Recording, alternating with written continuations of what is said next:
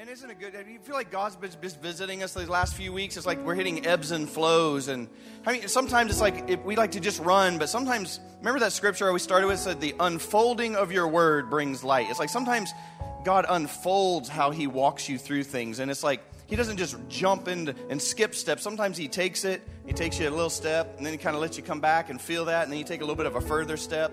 I love that about God, and so that's kind of what we're doing over these weeks of teachings where we're kind of just gradually unfolding this and, and getting to the places that we want to ultimately land. But one of the things I want you to recognize, you stay with me for a second, is that everything that you get in God comes through faith. Everything that you get from God, you receive from Him. It doesn't just overtake you, it doesn't tackle you, and you have no participation or part of it. When Jesus comes to you, he is looking for your active participation, which the Bible calls the fight of faith. That, that there's always a place that you have to grab the truth. You have to believe the truth. You have to receive that truth inside of you. And sometimes you first hear it and you go, I agree, but it's not living in me yet. And the fight is to get it from out here, where I believe it, in my head to where it's living in my heart and it's not just something I agree with, it's something that now changes how I respond. And so when we're doing these teachings and we're unfolding them, the Bible says through the hearing of the word and hearing of the word and hearing of the word and seeing and encountering God, you begin to transition from what I've externally believed to what I internally own. And that's what's happening. And this morning, I want to continue to water your faith because I recognize there's places that God wants to take you individually. There's things He wants to do in you individually. There's things that He wants to release you from individually. And it's not going to just be a big, broad brushstroke across an altar on Sunday. God's going to walk into your personal story and into your personal life and into your personal opinions and into your personal past. And He's going to put His finger on things. And you're going to have to have the faith to believe that He is good even when it hurts. You're going to have to have the faith to believe that He has your best in mind when He's asking you to go through hard decisions. And if you don't have that, even though Jesus comes to do a magnificent work in your life, you'll reject the move of God. You won't cooperate, you won't participate with it. And so there are things that Jesus does on his part, but my part is to receive what he's doing and to cooperate or to obey what he asked me to do to participate. You understand that? And so this morning, I'm going to, I want to, over the remaining minutes of this meeting, I'm not necessarily trying to build a strong altar in this meeting as much as I want to put I want to put understanding and water the seed that we've been putting inside of you, realizing that we're preparing to bring you to another altar to respond. Does that make sense? So I want you to listen this morning to go, I have to begin to believe what I'm hearing. I have to know how to participate with what I'm hearing. Father, as we begin to work into your word over the remaining moments of today's service, Lord, I thank you for the spirit of faith and the spirit of revelation. I ask, Lord, that you would help the people grab a hold of the truth and the principles of your word.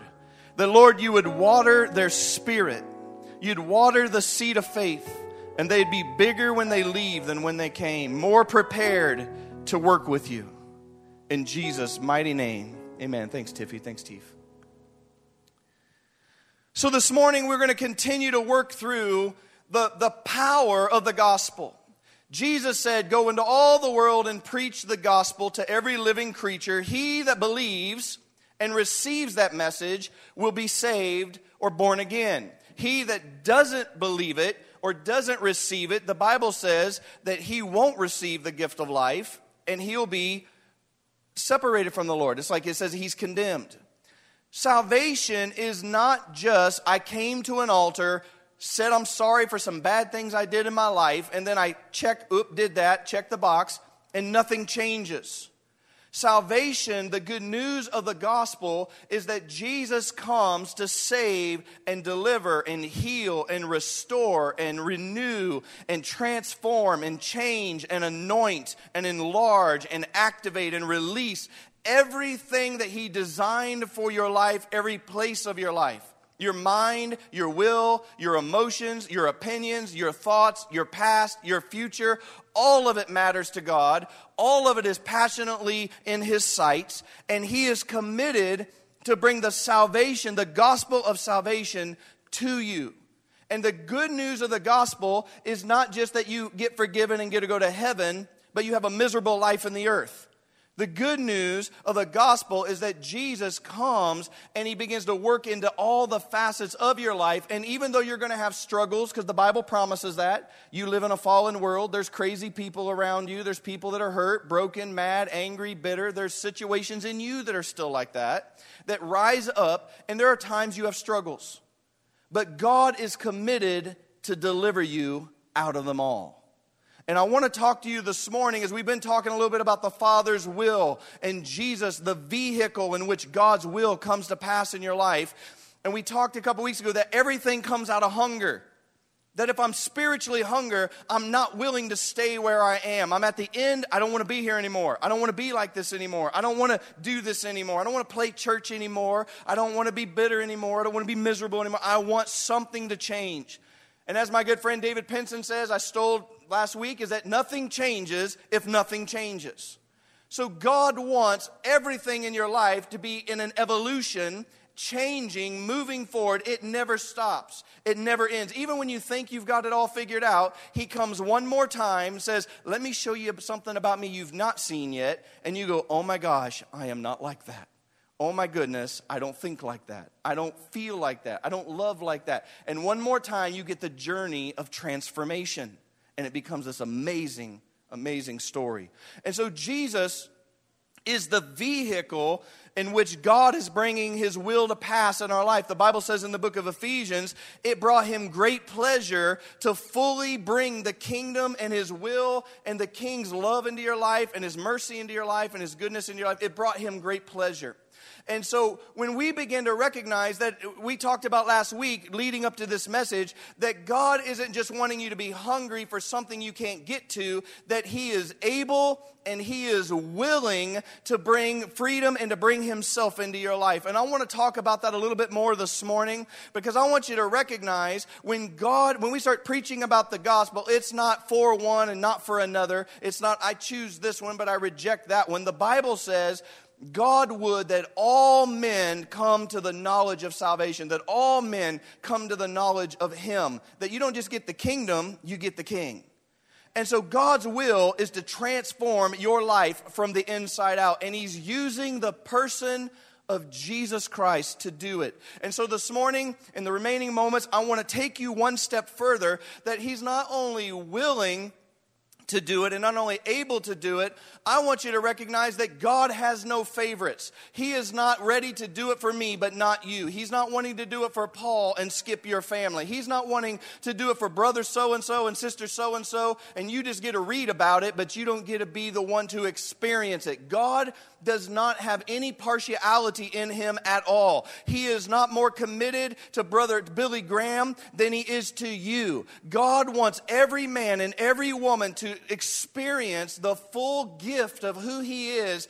And the lie of the devil says that God loves this one more and this one less, that this one has it easier and this one has it harder. Can I tell you, everybody is under the curse of sin, everybody is under the torment of the devil, everybody is under the, the pain of a fallen world, and we are all equally in need of Jesus the Savior. We're all equally in need of the glorious gospel of salvation in our life. And I guarantee guarantee you may look good in 10 areas, but there's that one area that torments you. There's that one area that your faith is too small. There's that one area that God wants to anoint you and you're afraid to move forward. We all have something that we need Jesus the Savior and God our King to be God in our lives. Does that make sense? And so I want to tell you this morning, as we're, moving through Luke chapter 4, and I'm moving very slowly, but as we've been working through it, is God said I was anointed to bring the good news and to open blind eyes. If your eyes don't open, you, you won't embrace the rest of it. You won't embrace God delivering you. You won't embrace God setting you free. You won't embrace God challenging you because when He comes, He's going to come and put His finger on areas in your life that sometimes have been hidden in a closet for 20 years. He's going to come and ask you about things that nobody knows about but you and go, Can you forgive that person? Can you repent for that? Can you trust me here? And it's going to require you to go places that your flesh and your mind and your emotions do not want to go. And it's going to cause you to go, if God is good, why is he messing with my stuff? If God is good, why is he asking me to do something that hurts? Because he knows that the surgery under his scalpel is the only way to be made whole. And we talked about last week that God gives you an exam. Everybody gets the benefit of God's exam. He diagnoses you. And then out of your diagnosis, he goes, Can you get yourself on the table, the surgical table? And the only one who climbs up on that surgery table of God is you. No one puts you there. You choose to go, Jesus, I trust my life in the hands of the master physician. And when you find it, he goes, I am so committed to your restoration. I am so committed to your wholeness. I'm so committed to your destiny. I'm so committed to your legacy. I'm committed to your future. I'm committed to the you that you've not met yet. I'm committed to the anointed you, the God given you, the God created you. The stuff you've grown up with is distorted, and I'm willing to remove that man and woman out of your life so that you can find the real you. And what God says is, I have no favorites. I don't, I am not less committed to you than anyone else. Sometimes the fight says they can make it and I cannot. Can I tell you that is a lie? You do have the power to make it, you do have the ability to make it, and Jesus is totally committed to get you there. And He's not going, well, once you become so good, I'm in. He's already in. He was in before you got in, He was in before you started asking for help. The only reason you're asking to, to, for God to be God in your life is because God created that desire inside of you. You can't create that yourself. Now, listen, I'm going to be in a little bit of a teacher, a little more teacher mode for me. Not teacher mode, David Hey, teacher mode. Teacher mode for me. I'm slowing down for the interpreters because they want to kill me. No, I want you to hear what I'm saying this. I want you to ponder what I'm saying. Because God has no favorites. The Bible says right here, you see it on the first slide, it says this For it is my Father's will say Father's will, that all, say all, who see his son and believe in him should have never ending life. Now, let's go back. I'll change the slides. It's on the bottom of that first scripture. As for, as for it, for it is my Father's will, if you can see that on the bottom, it is my Father's will that all who see his son and believe in him should have never ending life. Every place in your life, Jesus is coming to reveal himself, and your responsibility is simply to see him, believe that's what he's like, believe that's what he's about. And if I can see him and believe, the Father's will is that the life Jesus has for you in that area or the thing he's talking to you about would overtake you, and you would be completely changed and transformed from the inside out. It is the Father's will. Does God love you? It's already decided. Yes. Does God want want to help you? It's already decided. Yes. Does God able to do it? It's already decided. Yes. It is my Father's will that everyone under the sound of my voice in all nations, nationalities, across every zip code in this region and around the world, that everyone who could see Jesus for who he really is and believe that he wants to do in me what I see in the Bible he wants to do, I can have never ending life. You know what the Bible calls that? The gospel of good news. So Jesus goes on to say, if I can get my clicker to work, you might have to work with me. If so, just let me tell you when to change. Go ahead and transition it for me. I think my clicker's dead. Luke chapter 4. This is the passage we're working out of, but I'm going to spend most of our time in Mark chapter 5. I would encourage you, if you have your Bibles or technology, I'll have them on the screen, but you can read with me or you can mark it in your own scriptures. But Luke chapter 4 says this can you guys see that? It's very dark, isn't it? I apologize. Let's look at this. I'll read it for you. Luke chapter 4. I think the slide machine changed my slides. So it says, The Spirit of the Lord is upon me. Luke 4, chapter, verse 18. The Spirit of the Lord is upon me, for he has anointed me, this is Jesus speaking, to bring good news to the poor. He has sent me, Father has sent me to proclaim that captives will be released, the brokenhearted will be healed, the blind will see, the oppressed will be set free, and that the year of the favor of the Lord has come, or the day for things to be redeemed. Jesus in Luke chapter 4 is saying, I'm the one who's anointed to do all these things in your life. I'm the one that has come. And this is the gospel of good news that you would understand full freedom and not be under oppression, that you would not be under, uh, you wouldn't have to live a medicated life. You wouldn't have to live a tormented life from your past. You wouldn't have to live uh, anxiety and fear and, and all the oppression of people's failures and faults and violations in your life that happen to us in reality. People get hurt because people sin. Life around you breaks things inside of you. People fail. People lie. People, we are in a fallen world, and those things make real marks in our lives and God said, I'm the one who's anointed to remove the marks. I'm the one who's rem- come to set you free from the thing that holds you captive. I'm the one that's coming to heal the brokenheartedness in your life, places of disappointment, places of discouragement, places where I don't have faith, places where believing seems hard. I'm the anointed one. And not only am I anointed, I am on a mission to come to you because the Father sent me out of his desire for me to reveal myself to you. This is isn't maybe, this isn't might, this isn't I sure hope. This is if you want it, I'm available. If you want it, I am I'm right here. If you want it, I am willing to take you through the journey, but it's going to require you to see and believe so that you have life. You're going to need to see what? See and believe that I am good. See and believe that I have your mercy in mind. See and believe that your salvation is behind my motives. See and believe that I am a kind God and a merciful God and a compassionate God. And I am not here for your destruction. I'm I'm here for your redemption. The fight of the enemy is to take all that picture from you from God. So you go, I gotta, I can't get to God. He's too hard. God is angry. God wants to crush me. God wants it. No, no, no. God decided long ago, I'm not so bent out of shape over your sin. All have sinned and fallen short of the glory of God. But through the blood of my son, I made a way for every person to repent and say, God, I'm sorry. I don't want to live that way. Come help me. I don't want to be that way. Come help me. I don't want to feel this way. Come help me. And he says, I have got good news for you. I'm totally committed. I'm totally ready. Are you? Are you ready for the journey? Are you ready for the conversations? Are you ready for the encounters? He's ready. He's waiting. Not just to mend the past. Some of you, it's not so much about mending your past as much as it is putting anointing for your future. God wants to take you from what you were to what you're supposed to be. And every day expires. Do you know your testimony has an expiration date? It's like a gallon of milk. You always, when I buying milk yesterday, I like I found milk for $1.65. It was cheap to get that milk. The problem was it expired that day.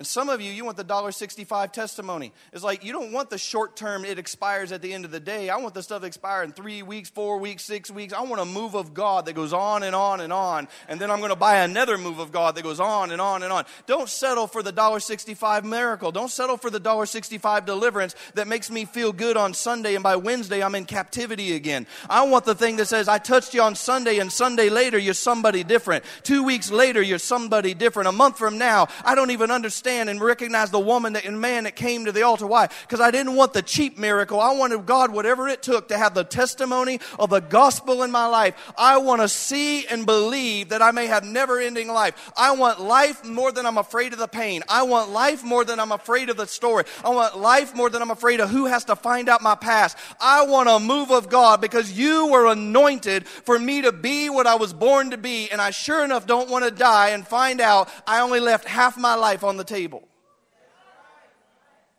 When I see Jesus, I don't want to be ashamed.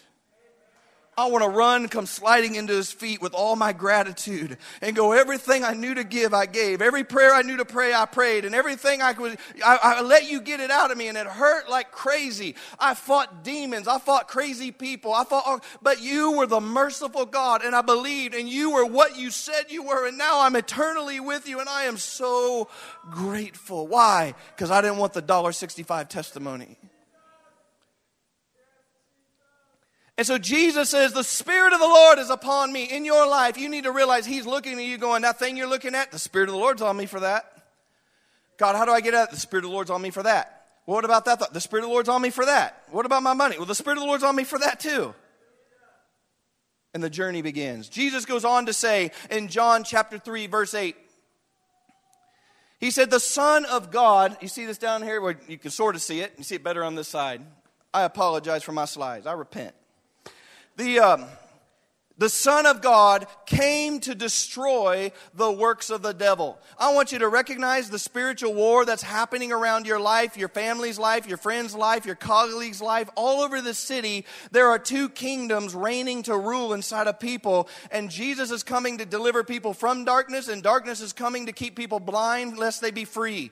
This is always happening. And Jesus, when he comes to your life, even though he may point out and go, Yeah, that's not me, that thought's not me, that emotion's not me. He's not coming to crush you. He said, I came to destroy the work of the devil and everything around your life that isn't a promise, part of the covenant, part of the future, part of the eternity over your life. I'm going to expose it. And if you're willing, we'll judge that thing together and I'll break the power of it in your life and you'll rise above it. You'll rule it. And I'll send you to go find somebody else that looks just like you used to look. And we'll walk into the earth together and you will be a living letter, a testimony testimony read by all men.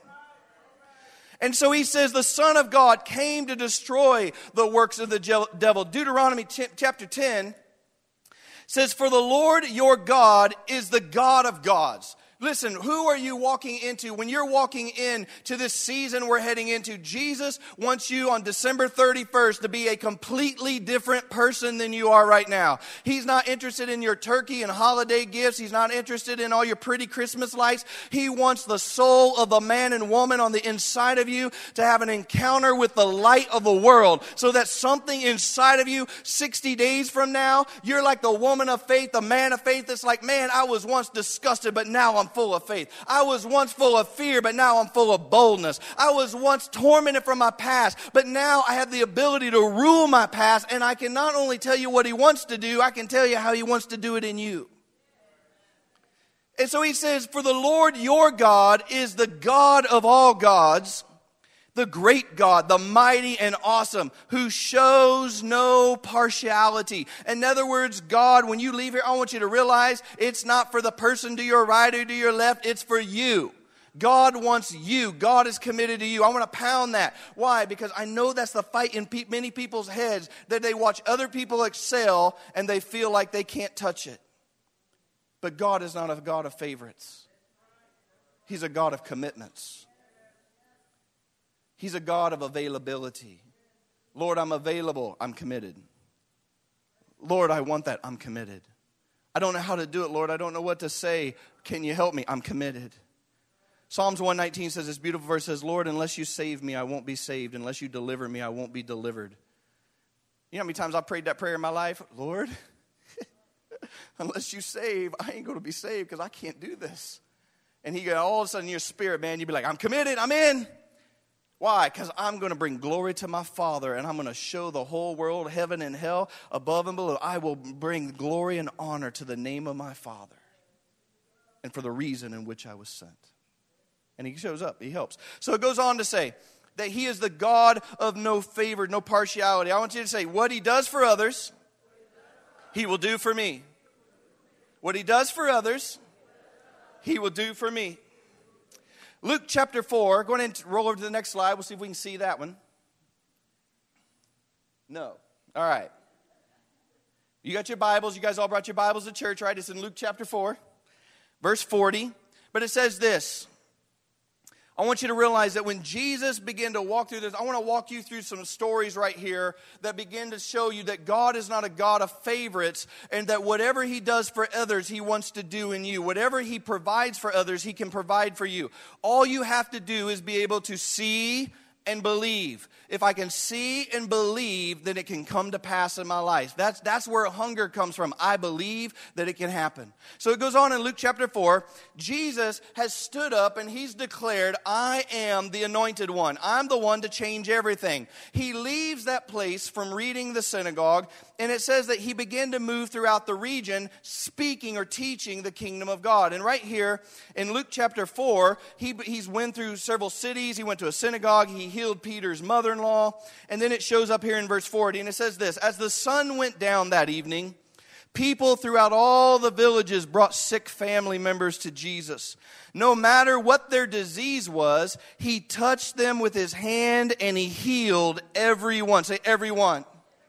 See, I want you to look at this. This is a very specific story, but remember, what he does for others, he can do for you. Say that. What he does for others, he can do for me. God has no favorites.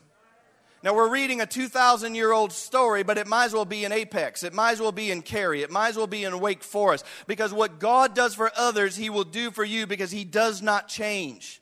He said, I'm anointed to do these things in your life, and I'm coming and committed to do them. Are you ready to take the journey with me? That's the question he's asking us. And he shows up here in Luke 40 and he says, As the sun went down, and people throughout all the region brought their family members to Jesus, their sick family. How many know sick? You can be physically sick, but sometimes you can be sick with all kinds of other things sick of heart, sick of attitude, sick of mentality, sick of people. He said he brought their sick family. And I want to tell you, I know there's some sick family in this place. There's some sick family around you. Sometimes I've been sick. Sometimes I'm still sick in places.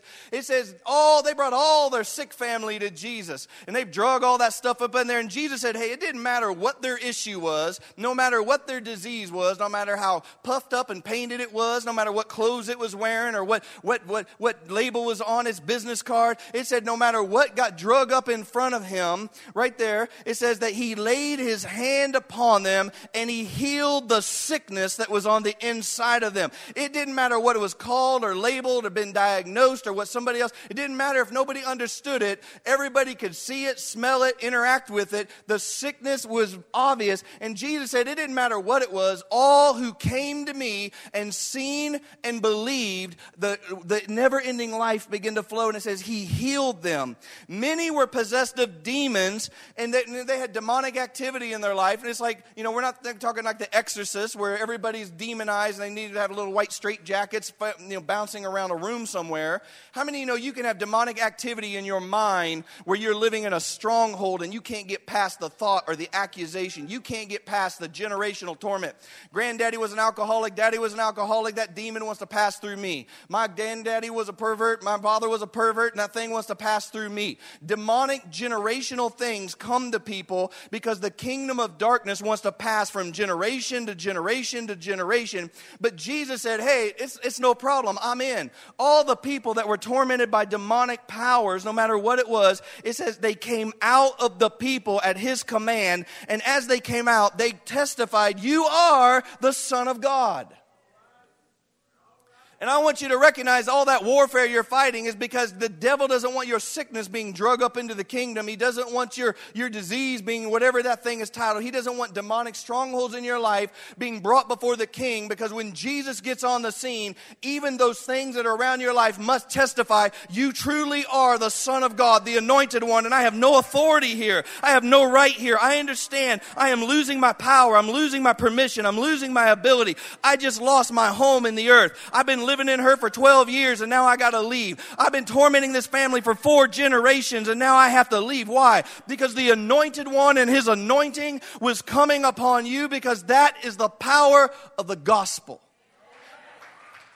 And so I just have to see and believe. See and believe. It's not just in my life. Why am I telling you this? You need to experience this and you need to realize when you go walk around Raleigh, these people sick, demonized, unhealed, torment. They're all around us. And God didn't put us here to judge them. He put us here to be the light and the salt of the earth that says, the one who saved me can save you. The one who forgave me can forgive you. The one who released me of demons can release you. Listen, I was once sick. I once had a disease. I once had a demonic power in my life. And I can tell you there is hope. He is not here to kill you, crush you, condemn you. He, he said he wants none of us to be lost.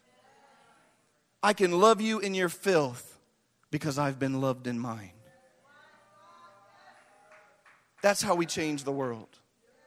And so God wants you to experience it and become it. Experience it and become it. And so it goes on to say this. I want to look the rest of my time in Mark chapter 5, and we're just going to read Mark chapter 5 today. I'm going to skip a few verses, but I, primarily I wanted you to read some stories because, listen, say this again if he did it for others, he can do it for me. And if he can do it for me, he can do it for you. All right, look somebody, look some, so you're not talking to yourself. Look somebody next to you. Say, if he can do it for others, he can do it for me. And if he can do it for me, he can do it for you. So the Bible goes on, and we're going to look in Mark chapter 5. If you want to turn your Bibles there, you may not be able to read it. Go ahead and roll over to that next verse, please. That is so frustrating. All right. The, um, so I want to, here's what I want to do. I want to take the remaining few moments of today and I want to lay faith in you because I want you to know the Bible says that as the Word of God washes you, it changes your mindset. It's not about me exhorting your emotions. It's about the Word of God establishing a fact and, and a cycle and, and a pattern that you can see in Jesus and go, if He did it for others, He can do it for me. God does not favor anyone. You saw that in the Scripture. God cannot lie. He is not a God that He favors anyone. If He did it for them, He can do it for me. If He healed them, He can heal me. If He restored them, He can restore me. If He can forgive them, He can forgive me.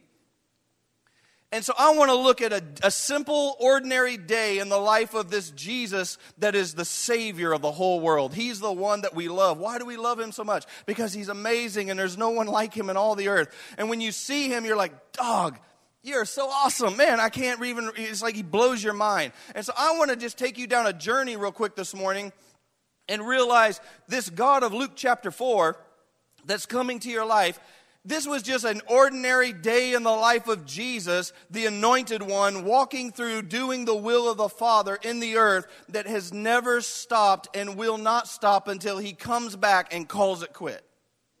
Okay? So, Mark chapter 5, verse 1. Now, listen. Sometimes I love this story because Jesus just gives you the example that sometimes you just feel like I'm the worst. I'm the, you don't understand. I'm worse than everybody in this church. I've done more sin than everybody in here. Somehow God can bless them because they're clean and they're like Snow White. And you know, I'm not, I've been I've been a prostitute and I've done drugs and I'm a liar and I'm a thief and I'm a pervert and I've all these things. They're like the Bible. David said, "I know my sin; it's ever set before me." I guarantee you, you could chronicle your sin pretty quickly on a notepad if I asked you to, because the Bible says we all know it. It, it, it torments us. It stares us in the face. But Jesus, in this story of life, I love it because he just goes and finds a guy 10 times worse than you and says, If I can do it for others, I can do it for you. So here it is in Mark chapter 5, verse 1. So they arrived on the other side of the lake in the region of the Gerasenes. And when Jesus climbed out of the boat, a man possessed with a demonic spirit came out from the cemetery to meet him. This man lived among the burial caves. That means he lived in the point of death. Does that make sense? And no one he lived, this verse 3 this man lived among the burial caves and could no longer be restrained, even with a chain. And whenever he was put into chains and shackles, and he often was, he would snap the chains with supernatural strength from his wrist and he would smash the shackles. No one was strong enough to subdue this man. This man has some serious demonic stuff working in his life. I mean, I mean he's out here living in a cave out, out at the cemetery. This is where he calls home. It goes on to say he ran around naked, running in there. He's out of his mind. The guy's tormented with demons. His family isn't around. The city's not around. Everybody has excluded this guy. You want to talk about somebody that's in isolation? I have no friends. Everybody's judged me. People talk about me. Nobody likes me. Welcome to the dude at Gerasene. And so he's sitting out there and it goes on, it says, No one was strong enough to subdue him. Day and night, he wandered among the burial caves. How many of you know there are people all over our city and even in our lives? There are times that we find ourselves wandering through the valleys of death. We find ourselves wandering around inside of ourselves in places of obscurity, lack of definition, lack of conclusion, confusion. There's places that things have, that have uh, rendered us uh, from engaging with the society around us and people around us, relationships around us. Can I tell you, it's like that, that stuff's working in all of us, but Jesus goes and finds a guy that's been 10 times worse than you will ever be and gives you a story that says, if I can do it for him, I can do it for you. And he goes on to say, Night and day he wandered among the burial caves, verse 5, and in the hills, howling, and he began to cut himself with sharp stones. Man, that sounds like this generation, doesn't it? The pain is so deep inside of me, I'm cutting myself. I'm trying to find, trying to find relief. I feel like I deserve to hurt. I feel like I deserve pain. I don't understand. There are, there are tons of kids all over our community that are living just like this in the valley of death, hidden from society, judged by people, separated from family, under the condemnation and shackles trying to hold them. No way out, cutting themselves, howling on the inside, cannot find a place of relief. And Jesus was walking right up here in the middle of it. It says, and when Jesus was still a long ways off, verse 6, the man saw him and he ran to meet him and he bowed low before him. And with a shriek, he screamed, Why are you interfering with me, Jesus, Son of the Most High God? Can I tell you that was not the guy talking at that point? That was that demon going, Why are you trying to disrupt what I'm doing in this man's life? I own him. And Jesus began to speak to him. And it said, the, the demon went on to say, In the name of God, I beg you, don't torture me. And Jesus said to the man, Come out of that man, you evil spirit. Now listen, when this thing was living in his life, was Jesus angry at the man? Was he, did he condemn the man? Did he go, What the heck are you doing living out here? You're cutting yourself, howling, you're naked, no family, everybody doesn't like you, they're afraid of you. Jesus went past all that because he loved the man and he saw the thing that was driving into obscurity. And he comes straight up to the man so much that that thing begins to scream and go, Why are you interfering with me? Why? I'll tell you because in John it said, I came to destroy the work of the devil, and this man is not your slave, this man is not owned by you. And the Bible says that Jesus rebuked the demon and then Jesus stopped there. Whoa, whoa, whoa, wait a minute. Before you leave, he said, What is your name? And he goes on to, he says, My name is Legion. That means there's 2,000 of us in here. Now listen, I've, I've had demons cast out of my personal life when I came out of sin. I've watched people in our church have demons come out of them. I've yet to meet anybody I've seen 2,000 demons come out of. My personal mind is going, I wonder what he did to get 2,000 demons. Man, what was he looking at on the internet? What was he doing out there? I mean, it's like, dude, I mean, it's like, I mean, you get a couple demons. This dude had an army living inside of him. So I can only imagine what he had been a part of. Jesus didn't bug out by the fact that he had had such a horrific life that 2,000 demons had authority over him because they had rightful entrance because of something he had done or been, done or been a part of. Jesus went past all the failures to the soul of the man and said, I have been anointed by the Lord to bring the gospel of good news to you. And it says he began to command that demonic power to come out of him and the demon, the, the demons, all 2,000 screamed, and he's like, they said, don't send us to the dry place. He put them in a bunch of pigs. Pigs ran down the hill. But this is what I want to get to. Verse 16. And a crowd soon began to gather around Jesus. Now, there was no crowd at the cemetery before this, there was no people coming along around all this. But he goes on to say this. And they saw the man that had been possessed by the, de- the legion of demons, and he was sitting there fully clothed and in his right mind and they were all afraid. Isn't it amazing that Jesus walked right up in the middle of this man's life and he said, All the struggles, all the permissions, all the entrances, all the failures, I am not interested in condemning you about all that. I've already settled all that on the cross, and I'm anointed to drive the power of this stuff out of your life, and I'm going to give you back your right mind. I'm going to give you back your honor. I'm going to give you back your integrity. I'm going to give you back the wholeness of God. I'm going to cause you to be in your right mind, fully clothed. And it said all the people were afraid. You know what they were afraid of? Because Aunt Bill, or Uncle Bill, not Aunt Bill, we probably got him in our society too, but we him. Listen, Uncle Bill, Aunt Sally, whoever, all these people that had judged that guy were suddenly around. They were afraid. You know what they were afraid of? They saw the power of God. It act. He became the testimony of God. And I love this. In verse 18, it says, The man who had been demon possessed begged Jesus, Let me go with you. He wasn't condemned. He wasn't afraid. He fell in love with the one. The Bible says, He who's been forgiven much loves much. Can I tell you, when God gets his hands in your heart and your clay and he starts poking around, it's like this is the story. Everybody had to recognize he, the guy had a demon, 2,000 of them. Everybody had to recognize, he had to recognize, I am naked, I am in shackles, I'm living in a cemetery, I don't have family, I don't have relationships, I am broke, I'm cutting myself, I am out of my mind. But the moment he met Jesus, the anointed one, and he saw and he believed, eternal life began to move inside of him. The power of that stuff began to leave. And Jesus didn't say one word about his past, he didn't say one word about his condition. He said he grabbed him, put clothes on him. That sounds like another story we read, doesn't it? Go get the fatted calf, go get the robe robe and the ring and the shoes. And he put it upon his life and he began to speak and he said, I'm going to restore you to the wholeness of a son. I'm going to give you back your mind so all the torment ends. And all the people should be afraid. It's like, and they began to recognize that God was doing something in his life that they did not understand. And he did not want to go, well, wow, I don't want anyone to ever find out about that. He begged Jesus, let me go with you. Let me go with you. Let me, don't leave me. Let me go with you. Can you know how you know you've had a real move of God? Worship becomes the greatest thing for you. It's easy to get to a life group. It's easy to want to, it's easy to go, man, I was a mess. I was a demonized, tormented, petrified person. And the Lord delivered me. And now all I can do is go, God, let me go. Let me go with you. Don't leave me. Let me go with you. Don't not show up. Let me go with you. God, I don't want a service without your presence and a word without your revelation. I don't want a night in the Bible without truth. I don't want friendships that are not holy. Let me go with you. And Jesus said, No, no, no, no, I can't let you go. But then I love this. He said, Go home to your family and tell everything that the Lord has done for you and how merciful he has been. So the man started off to visit the 10 towns of that region and began to proclaim. The guy went from demonized to anointed evangelist.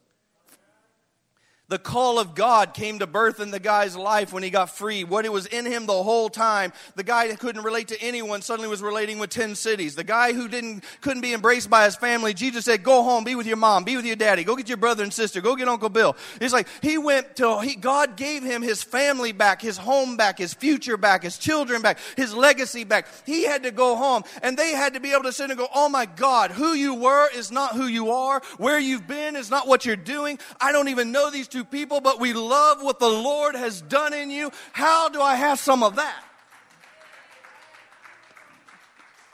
That's what God's doing in you right now. That God is coming to get the Gerasene out of you, to send you to your family. Anybody here got broken family relationships? Man, I got some. Not everybody's healthy, whole. Not everybody loves you because you love Jesus. The thing I love is that God gives you family. You know what? Look around you. Welcome to family.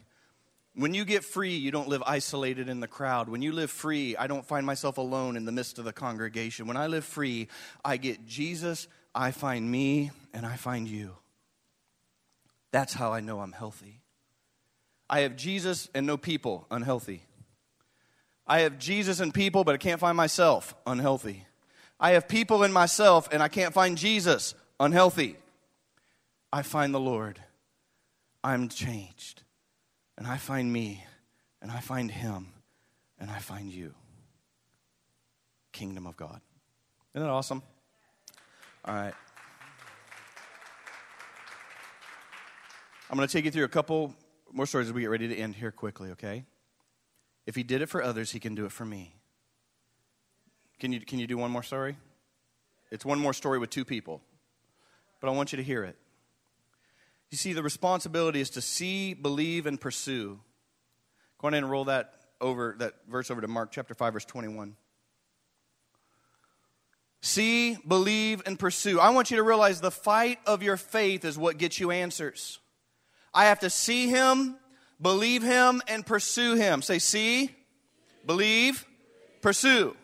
Tap yourself. You're going to speak to yourself. What, what am I going to do this week? See, believe, pursue. The fight of your faith is what gets you the answer.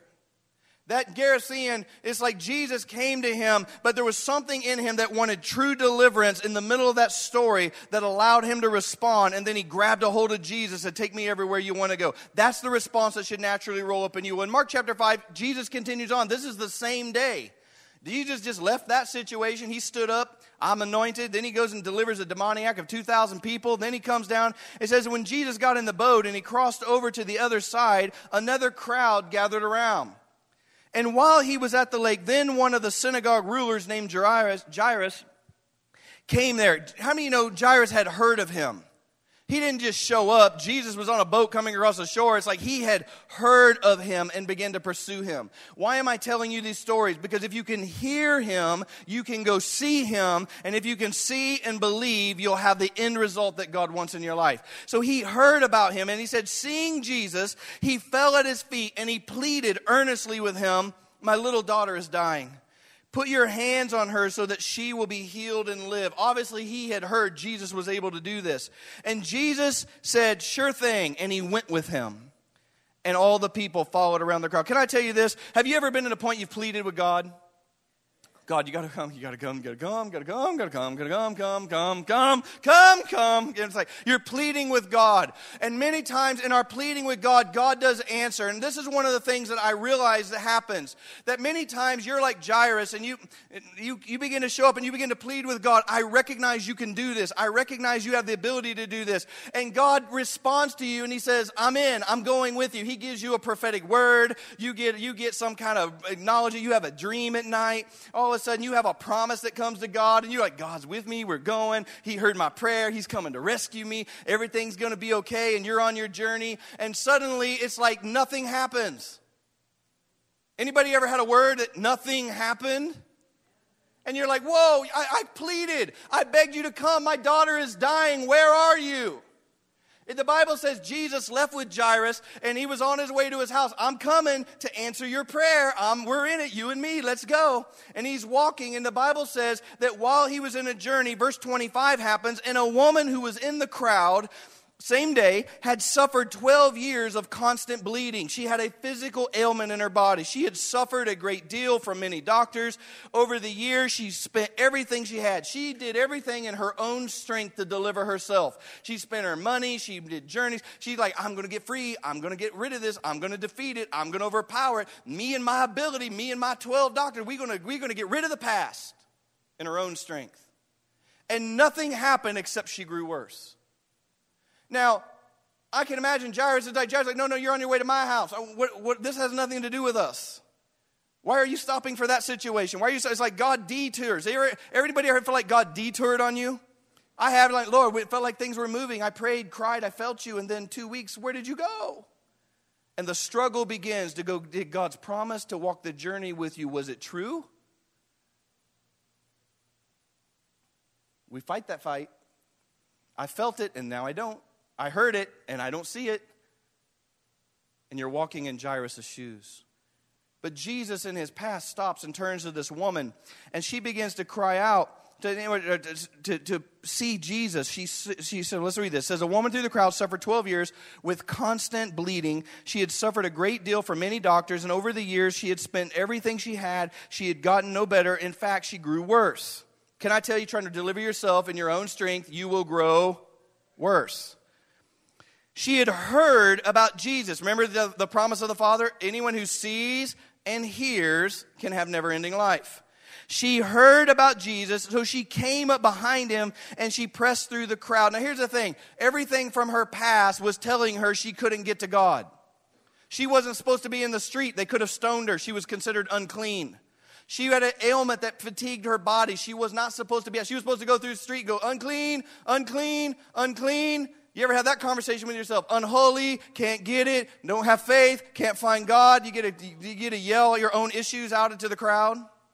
But the Bible says she heard about Jesus, and it said that she came up behind him through the crowd and she touched his robe. She got to him. She's like, I will see, believe, and pursue. I will not let others stop me from my move of God. I will not let my past stop me. And she pressed through the crowd and she got a hold of his garment. And the Bible says that uh, for she thought to herself, if I can just touch him, I will be whole. If I can just touch him, I will be whole. She heard, believed, if I can touch him, I will be whole. And immediately the bleeding stopped in her body and she felt the terrible condition leave. Jesus realizes what's going on. Jesus, this is what I want you to recognize. Jesus isn't paying attention. Jesus on his way to Jairus' house with the crowd. Everybody's working around him. They're all pressing. And he doesn't even know that that woman going, it's, it's okay that you're doing that for them, God, but I am not willing to let you touch them and not me. I am not willing for them to be free and me not be free. I'm not willing for them to have a move of God and me not have a move of God. She pressed through the crowd and touched Jesus. And the Bible says Jesus literally in his physical being felt the power of God come out of him and into her so much that he stopped, like, er, big crowd. I mean, 200 people, like, whoa, whoa, whoa, who touched me? And, and disciples are like, are you nuts? There's people everywhere. They're tripping on you. No, no, no, no. I'm not talking about that. Somebody reached inside their soul and out of their faith grabbed a hold of me And the power of God, the power of the anointed one just left me. And he recognized that. Now, here's one thing I want you to realize Jesus spins around and he begins to say, Who did this? And she was afraid at first because she wasn't sure how God was going to interact. But he said, she finally tells the story, and we find ourselves down here in verse 32. And he kept looking to see what had done, and frightened the woman, trembling at the realization of what had happened to her, came and fell at his feet and told him all that had happened. And he said to her, What the heck are you doing? You're dirty, don't touch me. No, he said, Daughter, you made it. You heard, you believed you pursued. And he said, I felt power come out of my life. And he said, Your faith has made you whole. And he goes on and says this Go in peace. Your suffering is over. When I was coming into this meeting here this morning, Tiffany, come on up, please. I saw God walking around the room, and it's like He was looking at people and He was stepping in and going, It's like, I understand the past, I understand the stories. I, you're not worse than the worst. You're not beyond the people. You're just like, you're in, you're in uh, not the Gerasene, you don't have 2,000 demons, and people haven't totally rejected you, and you're not, it's like you have bits and pieces of that. But the same way I delivered Him, I'm willing to move inside of you. And it says this woman is like her past tormented her and told her she could never be free, she could never make it to God. The crowds kept her from getting to God. Everybody else looked like they were ahead of her. Everyone else looked like they had the right and the opportunity because she knew that she knew that she knew she was unclean and unright in certain areas, that her faith wasn't big enough. She knew all these things, but something inside of her said, I can't stay here. If I stay where I am, I'm going to die and she presses through, and God meets her and he begins to go, The thing that is tormenting you the suffering is over. And I saw God like walking around the room, and I saw Him go up to people. And I don't even know all your situations, but I heard the Lord. It's like He was walking around, and I it's like I saw Him uh, walk up to Mia Swan. I heard the Lord say, "Your suffering is over." I saw Him walk up to Rich and Gina Myers, and I don't know what all's even there, but I heard the Lord say, "Your suffering is over."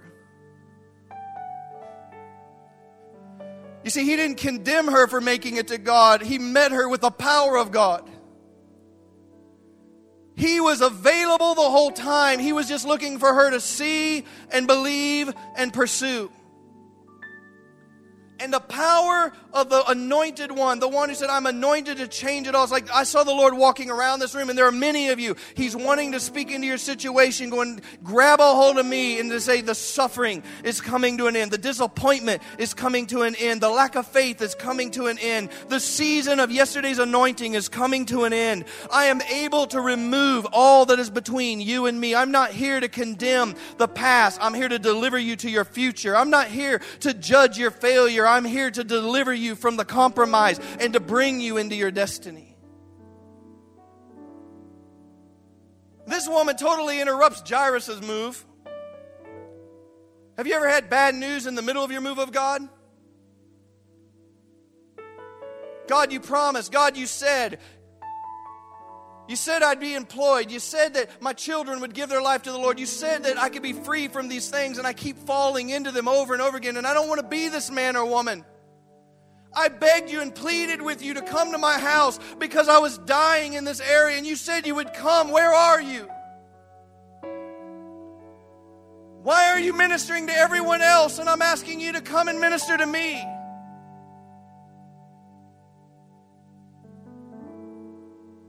And while Jairus is standing there watching this woman have her move of God, the news comes in the middle of it and he says, Hey, hey, hey, your daughter is dead.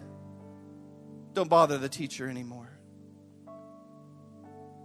Have you ever been more discouraged after you prayed? Have you ever been more discouraged after you cried out to God? Have you ever been like, God, where's the prophetic word?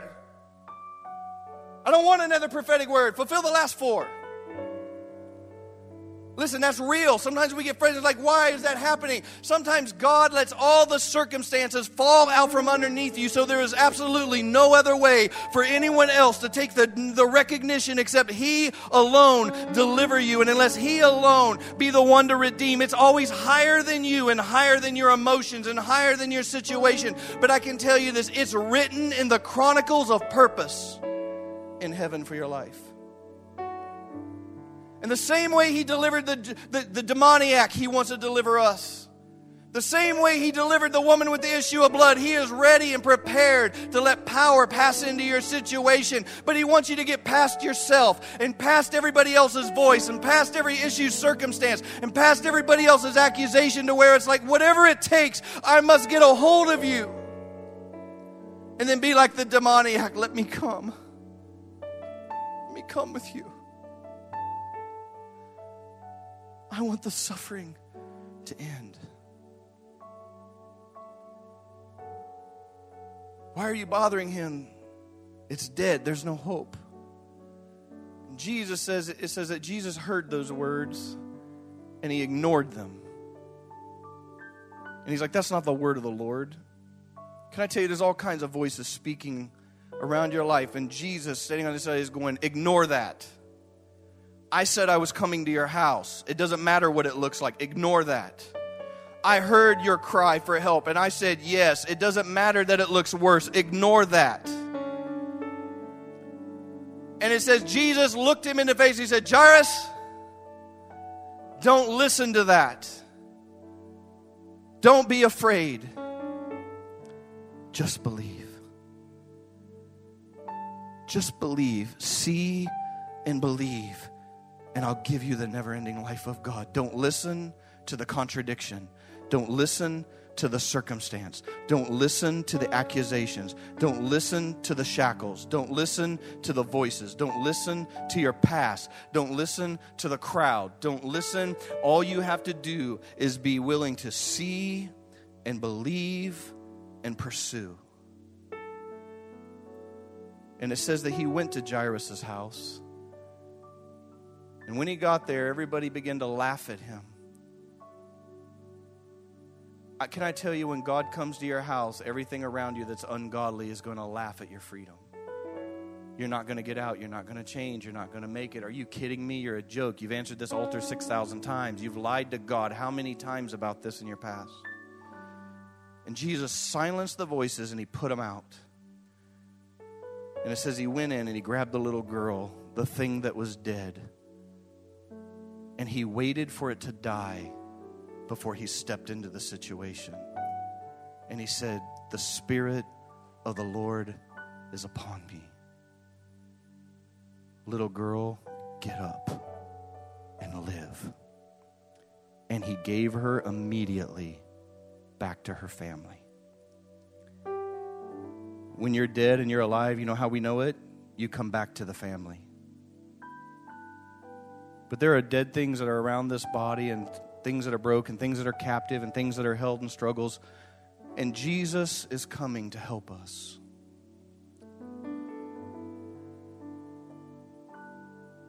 Why am I showing you all this? Because if He did it for others, He can do it for me. In this season, we're working through the salvation of God, and God wants to be the true Savior in your life, your family's life, your friend's life, your parents' life, your colleagues' lives, this city's life.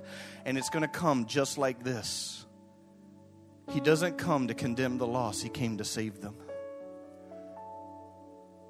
And in this story, why am I telling you this? Because if you don't recognize this, when He comes, you'll let Him walk by you you won't believe that He wants to do it in you. You won't have the faith to respond when He says, Repent of that, expose this, quit doing that, separate from those people. When He requires you to make a decision, you're going to have to choose do I want to protect myself and live among the catacombs?